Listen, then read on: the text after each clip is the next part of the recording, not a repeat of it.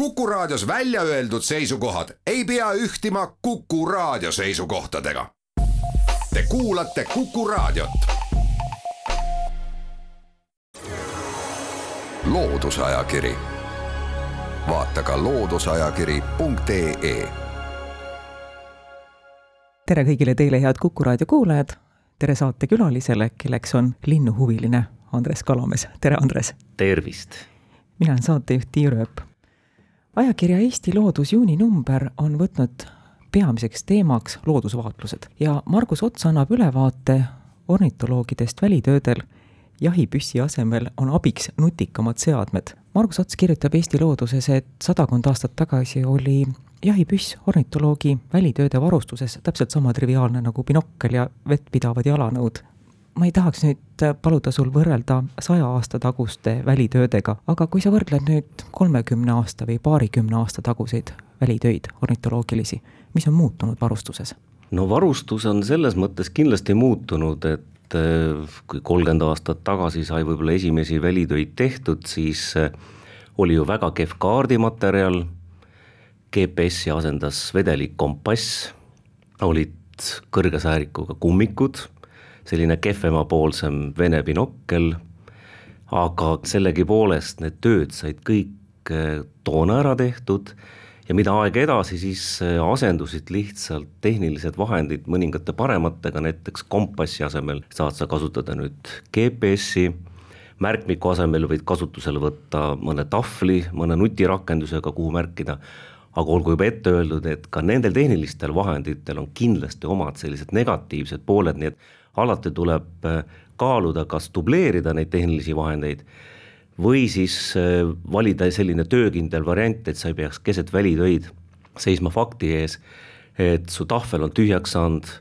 patareid oled maha unustanud äh, või mingisugused, mingid muud asjad, nii et, et selles mõttes nagu välipäevik, pliiatsid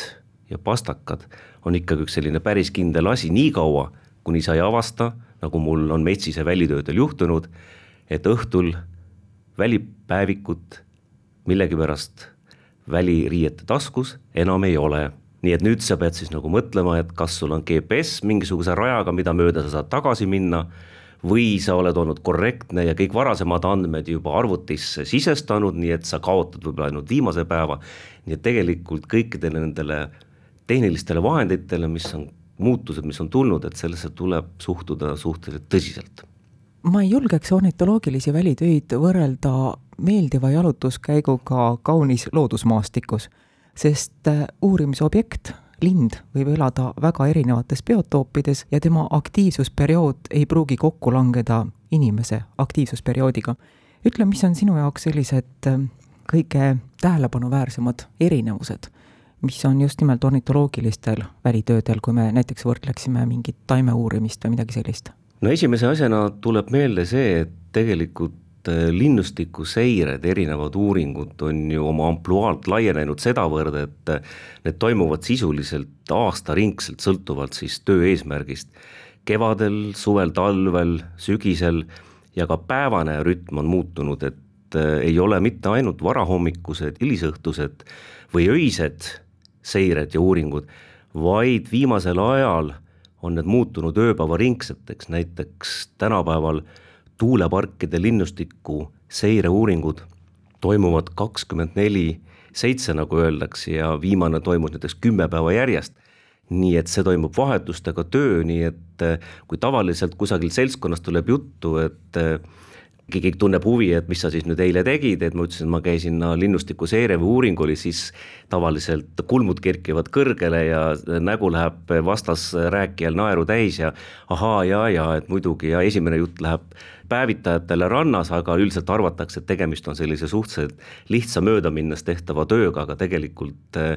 on seal ikkagi päris kõvasti vaeva näha tihti nende välitööde teostamisel. mainisid ära, et hiljuti olid kümme päeva kestnud välitöödel. ma tean, et see oli merel. jah, need olid seotud äh, ühe tuulepargi planeeringuga, me olime ankrus keset merd rannast kusagil kakskümmend, kolmkümmend kilomeetrit eemal, kümme päeva järjest,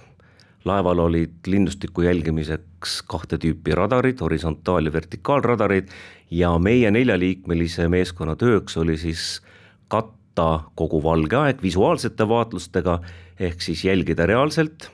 millised linnud kui kaugel, mis liiki, kui kõrgel, millises suunas lendavad, pluss me pidime siis kontrollima öösel seda, et radarid töötaksid korrektselt ja salvetaksid neid andmeid. ja see toimuski järjest kümme päeva, kakskümmend neli tundi igal päeval me siis seal vahetustega käisime, nii et et see oli suhteliselt rutiinne töö, mille sees olid ka kindlasti omad sellised rõõmuampsud, kui sa nägid mingisugust huvitavat lindu, keda sa tavaliselt äh, maismaal kindlasti ei kohta, võtame näiteks lõunatirk või, või alk, nii et, äh, et juba nende nägemine on, on selline nagu auhind natukene selle, selle töö eest, aga nagu iga töö, on ka see töö ja tuleb see endale meeldivaks äh, mõelda, kui vähekenegi võimalik on kas ornitoloogilised välitööd esitavad ka väljakutseid seda tööd tegevate inimeste füüsisele? väga hea küsimus. nimelt selgub tõesti teatud välitöödel, et füüsiline vorm kas on hea või halb. mul tuleb siinkohal meelde aasta-kaks tagasi koos Ivar Ojastega tehtud välitööd, kus me panime Sookure poegadele siis eh, satelliitsaatjaid külge, selleks tuleb Sookure poed kinni püüda. ja selleks, et Sookure poeg kinni püüda, pead sa öösel minema heinamaale, lamama liikumatult märjas rohus ja ootama siis telefonis käsklust, mis kõlab umbes jookse.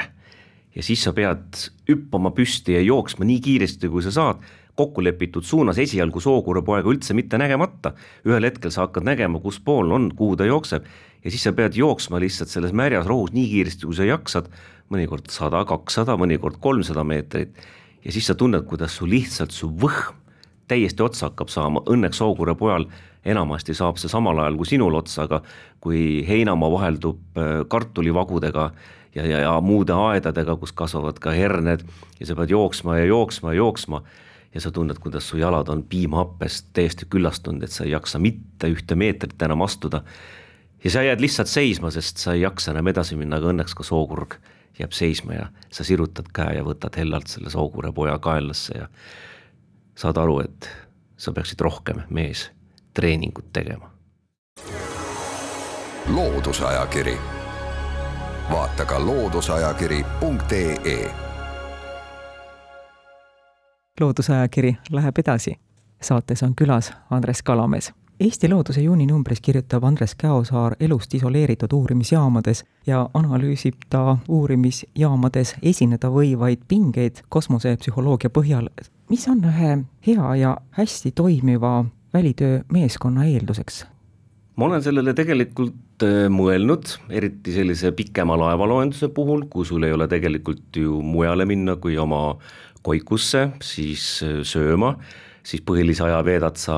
laevatekil vaatlusi tehes või siis radariruumis ja teed seda siis eh, vastavalt vajadusele viis, kümme või viisteist korda, korda järjest, aga mulle tundub, et mis sellist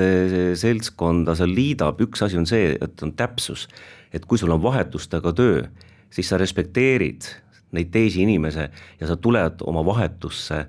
kui mitte täpselt õigeks ajaks, siis viis minutit varem. ja see on nagu väga oluline, et, et sa ei pea kellegi järele ootama ja kõik teavad, mida nad peavad tegema, nad austavad teist sellega, et nad ei, nad ei hiline ja loomulikult on alati tore ju tulla väikest äh, uinakut tekile ja küsida, et mil-, mida huvitavat on siis nähtud ja teada saada, millest sa ole, oled ilma jäänud. ja selline ühtne meeleolu ja ühtne arusaamine sellest tööst, mida sa seal teed ja kogemuste jagamine, et eks see ongi see põhiline, mis meeskonda liidab, ehkki tuleb tõdeda, et ega need jutuajamised seal lõpuks muutuvad ka järjest napimaks, sest teemad, mida omavahel nagu arutada, hakkavad ennast ammendama, nii et vahepeal on ka selliseid pikemaid nagu öeldakse, enesesse vaatamise võimalusi tundide kaupa, võid kahekesi seal laevatekil seljad vastastikku merele binokliga ja vaatlusturgu vaadata ja ei pruugigi ju suurt-suurt juttu teha, aga ka see on ilmselt vajalik ja kasulik küsisin sinu käest meie jutuajamise alguses, mis on muutunud kolmekümne aasta jooksul ornitoloogide välitööde varustuse juures, mis on muutunud kolmekümne aasta jooksul meie linnustikus? see sõltub nüüd kindlasti elupaigast, kus koha peal neid välitöid teha. on selge, et metsas käies näiteks võid sa kohata linnuliike, keda sa varem ei ole kuulnud, selleks tuleb valmis olla, näiteks äh, ei ole küll väga haruldane lind, on nõlva lehelind ehk kunagise nimetusega rohelehelind, mida võib-olla nüüd kohtab rohkem, aga mina näiteks oma haudelinnustiku punktloenduse rajal just siin nädal aega tagasi, mida ma olen vist viisteist aastat vähemalt järjest teinud, ei ole kunagi sellist liiki kohanud, nii et sa pead tegelikult olema nende uute liikide tulekuks valmis ja natuke ette valmistunud, ka mina kuulasin läbi tegelikult suure hulga metsa linnuliikide laule ja häälitsusi, et juhul, kui peaks midagi uut kõrvu hakkama, et siis sa tead sellele ka tähelepanu pöörata. nii et sellised asjad on nagu üllatavad, et rada on alati rutiinne, rada on selles mõttes muutunud, et kusagil on mets maha võetud, kusagil on maja tasemele ehitatud, aga nende uute linnuliikide osas sinu enda rajal sa peaksid nagu olema nagu moraalselt või vaimselt valmis nii et selles mõttes linnustik muutub mitte ainult selle tõttu, et elupaigad muutuvad, vaid ka mõned linnuliigid võivad juurde tulla, näiteks äh, väike käosulane on üks selline ju liik ka, mis on meie Lõuna-Eestisse sisse tulnud, kui sa tead, et sellised linnud võivad esineda sinu transektil või loendusrajal, et siis on tark endale see linnulaul enam-vähem selgeks teha. samamoodi ka merel võid sa kokku sattuda, noh, need on küll sellised äh, haruldasemad äh, liigid, aga sa pead selleks olema nagu siiski valmis, nii et äh, et väike ettevalmistus sellisteks seiretöödeks erinevates elupaikades on tegelikult hädavajalikud ja, ja mis on võib-olla oluline, et, et sa õpid ise nende tööde käigus väga palju uusi asju juurde. Ja kui ennem rääkisime meeskonnatööst, siis pean tunnistama, et alati on meeskonnas inimesi, kes midagi teavad sinust rohkem ja paremini ja õppida nende käest midagi uut, vot see on selline kuldne asi, mida sellistes meeskonnatöö eh, raames kindlasti on oluline tähele panna. sa nimetasid neid liike, keda nüüd võib kohata looduses ja keda võib-olla paarkümmend aastat tagasi ei olnud meil. kes on sellised liigid, keda kahjuks paraku peame tunnistama, et Eesti looduses ringi liikudes me ei näe ja kuule neid enam? No esimesena tuleb mul meelde linnuliik, kes veel kahe tuhande kümnendal aastal Lõuna-Eestis pesitses ja selleks on siniraag. siniraag on meie linnustikust kadunud ja tema ka oli üks seireobjekt Lõuna-Eesti Natura kaks tuhat aladel. ja teine liik, kes mulle kohe meelde tuleb, kes meie maastikest on kadunud, on roherähne, kelle tuvastamiseks kaks, kui ma nüüd ei eksi, kas sellel või eelmisel aastal tehti suurem väljasõit või ekspeditsioon Saaremaale, kus teda viimati püsivamalt on nähtud ja ei tuvastatud ühtegi kohta, kus ta veel alles oleks, nii et, et need on nagu kaks esimest äh, linnuliiki, kelle kadumist me oleme saanud paraku ise, ise järgida või jälgida. Ja on ju ka teisi linnuliike, kelle kohtamist järjest vähemaks jääb, võtame või, või hänilase näiteks, kes oli viis-kümme aastat täiesti tavaline rannamaastike ja, ja põõsastike lind ja keda tänapäeval mina näiteks ei ole sellel aastal Lääne-Eestis, kus ma palju viibin, oma elupaiga ümbruses tegelikult siiani veel kohanudki, nii et eks neid liike paraku jääb järjest vähemaks ja mõned uued liigid tulevad juurde, sellel aastal tuvastati Eestis esimest korda pesitsemas lõunatirk Põhja-Eesti väikesaartel ja Pärnu lähedal Audrupoldril registreeriti selline linn nagu karkjalg, karkjalapesitsus, nimi on ilus lind on veel ilusam, nii et teda nähti kuute isendit, tuvastati ka tema pesitsemine, nii et selles mõttes linnustiku seire on oluline ja linnustiku vaatlus, ka juhuvaatlused on äärmiselt tähtsad, et tähele panna neid liike eriti just, kes kaovad, kes on kogu aeg tavalised ja massliigid, mitmesugused ka tavalised metsalinnuliigid, et nende nii-öelda hääbumist või ärakadumist elupaiga muutuste tõttu märgata, selleks on just nimelt vaja sellist laiapõhjalist ja suurehulgalist inimestega üheskoos seiret. ma põikaksin välitööde teema juurest mitte kaugele kõrvale. Eesti Ornitoloogia Ühingu juures sa tegeled praegu väike laukhane projektiga, räägi sellest ka palun väike laukani on jah, üks maailma üks ohustatud haneliikidest ja selle liigi Fennoskandia asurkond ehk siis isendid, kes pesitsevad Norras Koola poolsaare põhjaosas ja oletatavasti eeldavalt mõned võib-olla veel ka Soome põhjaosas. Nende rändetee viib kevadine, mis algab Kreekast, viib läbi Kesk-Euroopa, läbi Eesti ja Soome siis Põhja-Norrasse pesitsusaladele. ja selle liigi käekäik on tegelikult vaatamata suurtele ja pikaajalistele looduskaitselistele ponnistustele ütleme stabiilne, aga ei ole väga hästi nii-öelda suurenenud see arvukus, et sellel aastal, kui me väikelaukane seiret Eestis läbi viisime, eh, nad peatuvad meil siis peamiselt Lääne-Eestis ja saartel, viimasel ajal Hiiumaal, siis kogu selle perioodi jooksul, kui nad siin Eestis viibusid, mida on keskmiselt kaks kuni kolm nädalat, me siis registreerisime kuuskümmend viis isendit, mis tegelikult on suhteliselt väike hulk, kui me nad pesitsuspaaridesse ümber paneme, et selle liigi heaks käekäiguks töötab tegelikult suur rahvusvaheline meeskond Norrast, Kreekast, Venemaalt, Kasahstanist, Ungarist, Poolast, igal pool. Ja püütakse täpsemalt aru saada, milliseid tingimusi temale on vaja siis nii talvitamisaladel kui rändel kui, kui pesitsusaladel. Ja eriti just pesitsusaladel, mida saab seal ette võtta, et ka kliimamuutustest tingitud sellist paigast ära nihkuvat loodus- või keskkonna tasakaalu, mis on need täpsemad põhjused ja kas me saame midagi selle liigi heaks teha, nii et, et see on väga üldiselt öeldes selline töö, mida meie siin Eestis teeme selle rahvusvahelise LIFE projekti raames. selline sai Loodusajakirja raadiosaade sel korral. saates oli külas linnuhuviline Andres Kalamees kuidas on muutunud ornitoloogide uurimismeetodid viimase saja aasta jooksul? sellest saab hea ülevaate ajakirja Eesti Loodus juuninumbrist. Saatejuht Tiir Ööp tänab saatekülalist ja kõiki teid, head kuulajad.